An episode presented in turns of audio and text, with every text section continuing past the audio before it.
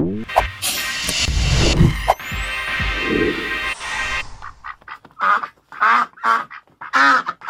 mogen we los, uh, Frank? Goed, nou. Mag het, Frank? Hallo lieve vriendjes en vriendinnetjes van het internet. Bij de NPO beginnen ze dan altijd met buiten is het huppelpup graden. Uh, ja, buiten is het echt fucking warm. Uh, binnen zitten Bart Nijman, Constant en Roelofs. Uh, we hebben ons eigen hitteplan maar getrokken door gewoon in een airco de studio te gaan zitten. Ja, dat gezoom wat je hoort. Ja, dat is, dat is, is de airco. Die, het is hier 14 graden en ik heb het nog warm. De hardest working airco in showbiz. We hebben verkoelende televisie aangezet ja, hieronder. ijsberen. dat, het, ja. dat dat een beetje helpt. Want Ja. we zagen dat RTV Oost heeft afkoeltelevisie. Ja, En we dachten, dat kunnen wij ook. Dus we hebben een, een of ander bevroren landschap op uh, Netflix opgezocht. ja. En uh, we gaan hier nu eigenlijk gewoon 25 minuten zwijgen om een beetje, een beetje af te koelen. Want als we het over de dagelijkse dingen gaan hebben, dan... Uh... Ja, maar veel te warm. Ik zou zeggen, gewoon douw één vestine in je mik, leg er één op je hoofd. En uh, gaan wij nu meditatie en andere rustgevende teksten uitspreken. Gaan wij nu het geluid van afbrekende ijskappen nadoen? Ja, precies. Wij doen de tranen van Greenpeace-medewerkers over stervende ijsbeertjes. Nee, maar we moeten het wel over een klein serieus ding hebben. Uh, we beginnen met een public service announcement voor iedereen die dit luistert in de auto op weg naar Frankrijk over de Route de Soleil. Uh, vergeet geen condoom om je lul te trekken, want in Frankrijk is een heuse SOA-epidemie ja, trek, een, trek een broek aan voor je uitstapt. Ja, precies. dus uh, pas op als je een Madeleine op je trekhak schroeft. Vooral in de Provence schijnt het heel erg te zijn. Dus uh, iedereen die de jonge lavendelgod achterna gereisd is naar uh, de Paarse Velden, kijk uit. Ja, en als je ANWB Europa Service hebt, uh, ik hoop dat de ANWB ook voorzien is van uh, extra rubber, zeg maar, voor niet alleen om de banden. Ja, en uh, nou is zo'n matchende set ANWB-jassen wel het beste voorbehoedsmiddel wat de mens kan krijgen. je kan niet voorzichtig genoeg zijn. Oh, wat is, overigens, is er, waar, wat is de aanleiding van die uitbraak van extra SOA-gebeurtenis? ja, is gewoon... het ook de hitte? Of, nee, ja, ik denk dit soort misschien... bacteriën gedijen goed bij dit weer? ja, ik heb ook nog geen aanwijzing gezien dat we de moslims er de schuld van kunnen geven of de massamigratie. volgens de Franse GGZ heeft te maken met uh, het feit dat uh, jongeren te bang zijn voor so uh, te weinig bang zijn voor SOA's. Want okay. het is een tijdje heel goed gegaan. Omdat, het, is, het is wel een beetje averechts effect van grote droogte, zeg maar. Ja, nou ja eerst, eerst lagen de mensen dus allemaal te verrekken van de aids. En dat had wel een redelijk positief effect op, op alle SOA's. Dat jongeren daar wat voorzichtiger mee omsprongen. Maar sinds die angst weg is door betere medicijnen en terugdringen van het virus is... De laksheid, de Franse slachten weer ingeslopen.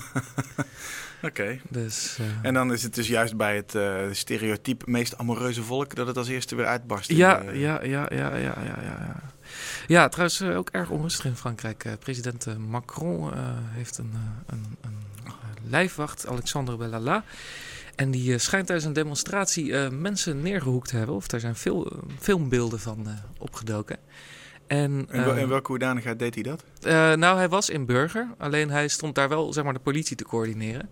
En dat zou hij eigenlijk niet mogen doen. En ook niet demonstranten slaan. Want dat was na afloop van een 1 mei demonstratie. De, Frankrijk is natuurlijk een land met heel veel, uh, heel veel socialisten. Die gaan op 1 mei allemaal staken en herrietrappen. En het is dan ook traditie dat je dan in elkaar gemapt wordt door de, door de lange lat. Een uh, mooie traditie van Frankrijk, socialisten slaan. Alleen uh, als je dat dus zonder politiebevoegdheid doet, zoals deze, uh, deze lijfwacht, dan ben je dus daadwerkelijk strafbaar bezig. En het, dat is niet het grootste probleem. Het grootste probleem is dat nou ja, het, het Elysée, het paleis, heeft hem niet ontslagen, maar een beetje met de mantel der liefde in functie laten zitten. En um, ja, daar zijn ze nu boos over in Frambozië. En, uh, de ook, ook, een soort SOA dus. ja. iets, iets, lang, iets te lang met de mantel der liefde bedekken is... Ja, ja. Het leidt, is, leidt ook tot ongewenste bij, bijkomstigheden. Want nu heeft Macron er zelf last van, begrepen. Ja, Macron heeft er last van. Zijn minister van Binnenlandse Zaken die, had eerst verklaard dat, dat, hij, dat hij dus op non-actief was gezet. Maar er zijn dus wel beelden van tijdens die periode dat hij non-actief zou zijn... waar hij gewoon in functie rondliep om de, de president te bodyguarden... Um, dus er is, uh, er is allemaal gerommel in de Franse regering. En uh, de Franse kranten speculeren al over de val van het presidentschap um, om deze zaak. Dus dan zou ja, de, de, de, de, grote leider van het nieuwe Europa zijn. Ik, wilde al bijna roepen van waarom hebben we het hier eigenlijk over? Zijn, is het echt nou zo sterke komkommertijd? Maar dit, dit, dit wordt dus gewoon gezegd, dit wordt het einde, dit kan het einde Dit, van ja, het is Of is dat gewoon wishful thinking door mensen die ook een krant moeten vullen in, in Frambozië? Ja, even wat, ja, dat is ook Nederlandse eh Nederlands correspondent van RTL had het dus ook al over de, de, nou ja, de, de ernst van deze maar zaak en de maar geloofwaardigheid Alle Nederlandse journalisten zijn stiekem zijn in de zomer altijd regio-correspondent in Frankrijk, omdat ze de hele zomer al op die kant op. Ja. Ja. Nee, dit, dit is de echte de bona fide correspondent die er altijd zit. Ehm, maar nee, ja, het- Stefan de Vries. Ja, Stefan de Vries, ja. Het is dus, eh dus kennelijk eh, zeer zwaar, de, de regering is zeer zwaar aangeslagen. En ehm, ja, dus, dus toch, Nou, toch ik durf er wel 10 frank en een stuk stokbrood op in te zetten dat hij hier echt niet over gaat vallen. Dit wordt wel opgelost. Ja. Er gaat toch geen Fran- Franse presidenten die doen de gekste dingen fout. Ja. Die, die gaan constant vreemd, worden constant betrapt daarin. Zijn eh, corrupt, eh, lopen met koffers contant geld rond. En dan zou deze vallen over een, over een, eh, een beveiliger die iemand een map gegeven heeft? Nee hoor, dat geloof ik Ja, nee, maar goed, maar het is toch wel weer zo'n zaak die, die, die, die toch wel weer de, de- ja, het is toch weer lekker Frans. Want het is die, die heeft dus kennelijk ook een, een, een eigen vleugel van een soort paleis, waar dus waar vroeger de minnaressen zaten van de president, zit dan nu die beveiliger. En hij is, hij is pas 26. En eh, hij is ook al op hele jonge leeftijd dus al benoemd tot eh, luitenant-kolonel. Wat ook weer in het leger allemaal weer scheve gezicht heeft. Vriendjespolitiek. ja, en er gaan zelfs dus geruchten dat hij zijn eigen soort van militie in het paleis heeft en zijn eigen fightclub onder de radar. En eh, ja, ik vind dat toch wel mooi. Maar Het is steeds beter verhaal. ja, ja, ja, ik als historicus bedoel, als je dat soort eh, jonge, ambitieuze Fransen met een eigen privémilitie, eh, dan kan de rest van Europa zich opmaken voor een hoop. Ze ja, hebben, ze hebben toch al zo'n privémilitie ergens in de woestijn zitten? ja, Maar eh, eh, even van de wereldomroep terug naar eigen land. ja, ja, we gaan terug naar eh, Den Haag. Want hier staat een Syriër voor de rechtbank, want dat is ons eigen land tegenwoordig. Ja, ja, ja. Nieuws uit eigen land. Syriër voor de rechter. Ja, we hebben het al eens eerder over hem gehad. Eh, dus de Syriër die drie mensen de keel door heeft gesneden in Den Haag. Nee, hij probeerde bij één iemand, probeerde niet dat. En die andere had hij alleen maar neergestoken. Oh, nou ja. Maar we hebben het over Malek Ma- Vostok. Vostok, ja. Over wie ik eh, eigenlijk al een keer mijn excuses heb aangeboden. Omdat ik dacht van, eh, dit is helemaal geen terreurdaad. Het is gewoon, dit, dit is, leek me nou echt een gevalletje verwarde man. Mhm. Maar naarmate de bewijzen, of in ieder geval de aanwijzingen zich opstapelden... blijkt toch dat hij eh, op Facebook geroepen heeft dat alle ongelovigen dood moeten... en dat hij vanuit zijn huis op een kerk keek waar volgens hem allemaal satanisten zaten... en Mhm. dat hij zich in korte tijd heeft geradicaliseerd, religieus heeft geradicaliseerd... Eh, dat hij wilde doodgeschoten worden door de politie. Dat hij Allah Akbar riep tijdens zijn daad. Ook na zijn daad. Dat hij met zijn vingertje in de lucht zat toen hij op de grond zat. En wat zegt dan vervolgens de verdediging van Malek Vostok? De politie heeft buitenproportioneel geweld gebruikt bij zijn aanhouding. Ja, ja, dat is toch wel een beetje bijzonder. Want die, die wa- was, we hadden dus een active We kunnen- we eh, messentrekker. We, die- kunnen nu nog niet, we mogen nu nog niet concluderen dat het een terreurdaad was. Nee. Terwijl ik, ik, nou ja, kijk, wij mogen iets korter door de bocht dan het OM.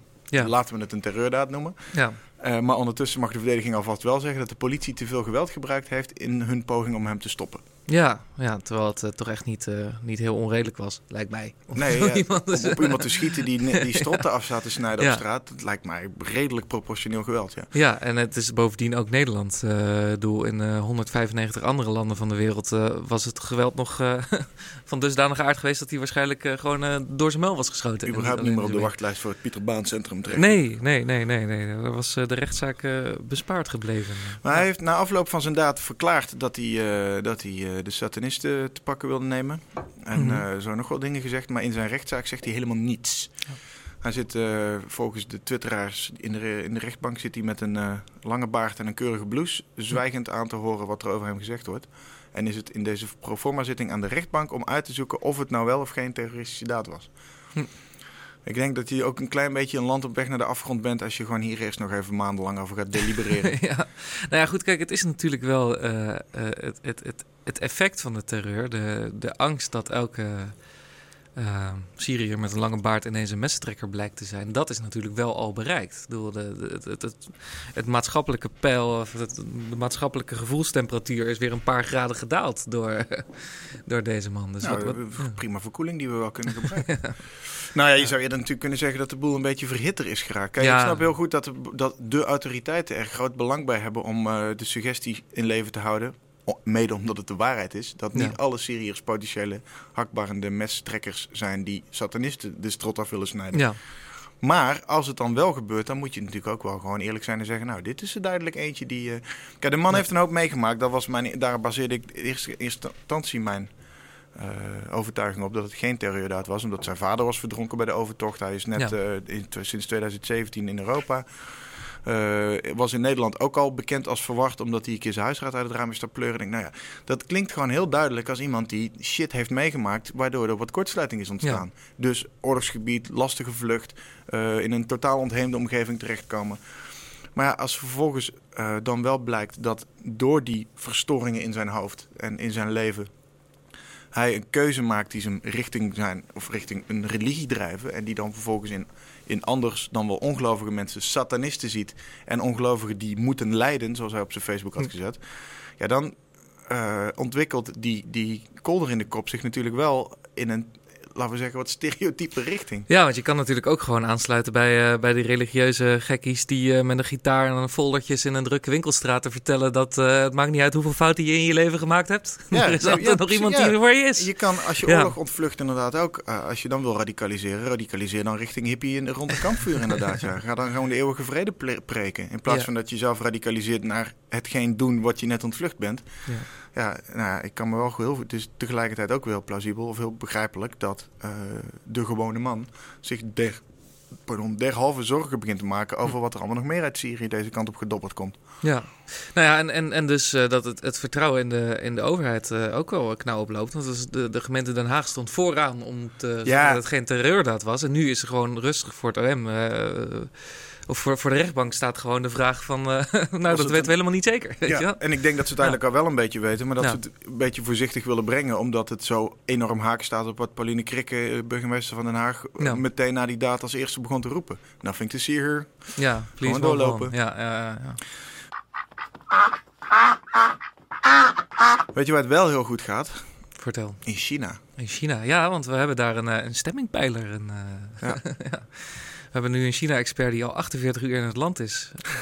en eh, Ja, we, en nu al meteen weet dat het daar niet zo vermoeid is. eh, we moeten het er toch even, ik moet het toch even kort aanstippen. Je, Wierduk, even esso naar onze broeder Wierduk.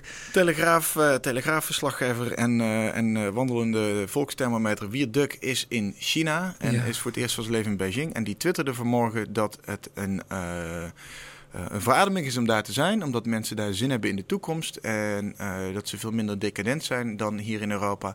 En vooral ook dat China een veel minder verscheurd land is. ja, dat is toch best raar, want het is best wel een enorm land. En er zijn heel veel interne conflicten. En er is, eh, door de eh, veel te vlugge industrialisatie eh, is dat hele, de hele sociale cohesie daar ook aan eh, allerlei rotzooi la- onderhevig. laten we niet vergeten, het is 70 jaar communisme. Welk 70 land jaar- is er niet van opgeknapt? Ja, maar ik, ja, maar ik vind het wel weer grappig dat je zegt van dat je van een eenpartijstaat zegt dat je dan, oh, het is hier helemaal niet verscheurd. Ja, je mag ook geen andere mening hebben.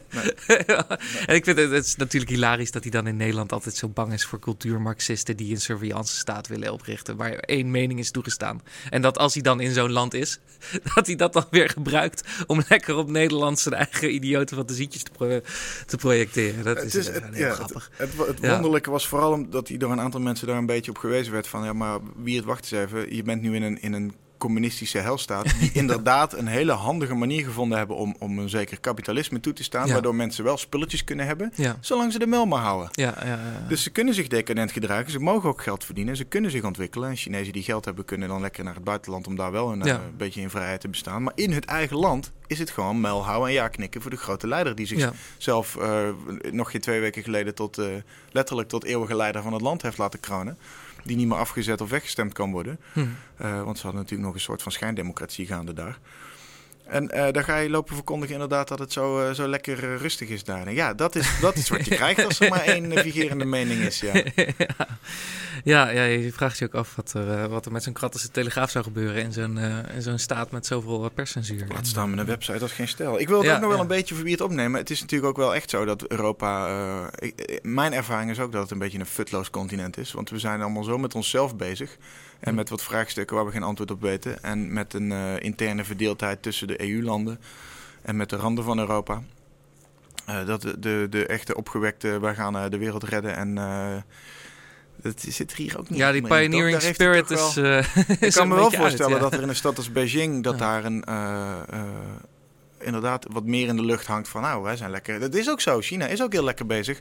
Omdat China inderdaad... enerzijds hebben ze, die, die, ze hebben de, de staatscontrole op alles... Anderzijds hebben ze wel het kapitalisme toegelaten, Ja. eh, in zekere zin. Dus eh, je kan groeien, bouwen en knutselen wat je wil. En verder interesseert niemand zich om de milieugevolgen of om eh, arbeidsomstandigheden. Of om, dus ze hebben, zij zijn wat wij een eeuw geleden waren, namelijk Ja. redelijk repressief in, in beleid. En tegelijkertijd volkomen ga je gang als je iets wil bouwen. Ja, en, en dus ook, ook een imperiale missie. Dus ze zijn nu dat, eh, dat, dat de Road and Belt verhaal, dus dat ze in 70 landen een enorme infrastructurele eh, ja, ringweg in de wereld aan het aanleggen zijn. En eh, nou ja, gewoon half Afrika aan het volbouwen zijn met allemaal... eh, ja, ze schamen zich niet voor, voor dat soort imperialisme. En dat is in Europa natuurlijk wel een beetje ik, anders. Ik, ik las een aantal jaar, het is alweer een paar jaar geleden dat ik een, een, een, een, volgens mij ja, ergens een stuk las van een eh, schrijver in Afrika. Ik weet niet meer welk land, ik weet ook niet meer hoe die schrijver heet. Hm. Die zei van luister, jullie Westerlingen, eh, volgens mij was het een interview in The, in The Guardian of zo. Zei, jullie Westerlingen kwamen al naar Afrika om ons te redden. Maar Ja. jullie deden het altijd een beetje door ons eh, op, op de missionaire wijze en voordoen hoe het zou moeten of uitleggen hoe het zou moeten. En dan komen de Chinezen en de Indiërs. En die zeggen gewoon van hier heb je een zak geld en we zetten hier een fabriek neer en we hebben, arbeids, we hebben arbeid nodig. En die gaan we gewoon een kutsalaris geven, want dat kan hier in dit land. En, dan, en, die, en die geïnterviewde Afrikaan, die, zei, die schrijver, die zei van ja, eigenlijk zijn we daar heel blij mee. Want dit zorgt voor daadwerkelijke economische ontwikkeling. Ja. We krijgen de preken er niet bij, we krijgen de praatjes er niet bij, we krijgen de, eh, de selfie-makende, eh, waterputten slaande eh, backpackmeisjes er niet bij. We krijgen gewoon Chinezen en Indiërs die gewoon geld willen verdienen. En die denken, hier zit grondstoffen, hier is arbeidskracht en hier is alle ruimte van de wereld, terwijl er geen regels zijn. Ja, Let's go. Ja, nou ja, dus dan, dan snap je wel dat ook wel wat meer eh, nationalistische, eh, in het verleden levende eh, types, die, eh, dat die dan toch wel bewondering krijgen voor zo'n voor zo'n land. Ondanks dat de individuele vrijheid en de Nou ja, het persvrijheid is heel niet... Het is heel erg dat je dan inderdaad bij dat soort landen moet denken van kijk, daar zit nog wel ontwikkeling. Ja, ja. Ja. maar wat voor ontwikkeling en tegen welke prijzen? Dat moet je je dan afvragen. Ja. Maar goed, lekker op vakantie dus. Goed oppassen in Frankrijk, niet te veel mening hebben in China. en, eh, oppassen voor messenzwaaiers in Den Haag. Ja, en eh, genoeg water blijven drinken, want het is kapot warm. Ja, en veel naar ijs, ijsbeertjes kijken op Netflix. Yes. Dag.